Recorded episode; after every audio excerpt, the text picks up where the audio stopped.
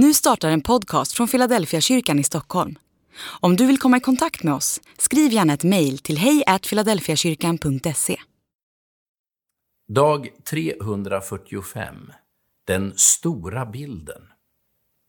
Låt ditt rike komma, låt din vilja ske på jorden så som i himmelen. Matteus kapitel 6 och vers 10. Guds rike är inom er, sa Jesus till fariseerna. Om det är sant, vad betyder då bönen som Jesus lärde oss att be? Om jag ber att Guds rike ska komma, då ber jag om att mitt eget inre ska möbleras som Gud vill. Jag ber att en ny syn på mig själv ska växa fram. Jag ber att en ny syn på tillvaron ska ta form. Jag ber att nya prioriteringar ska växa fram och att nya handlingsalternativ ska bli tillgängliga. Jag ber helt enkelt om en ny inre verklighet för mig själv. En verklighet som leder mig och gör mig handlingskraftig i min vardag.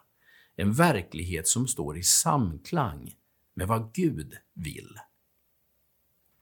Vi önskar så ofta att Guds rike ska ta form runt omkring oss, att Gud ska gripa in i världen vi finns i, att han skulle låta allt runt omkring, att han skulle låta alla runt omkring se vem han är och vad han vill.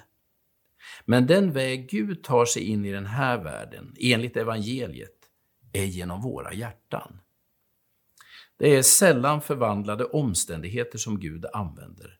Det är förvandlade hjärtan.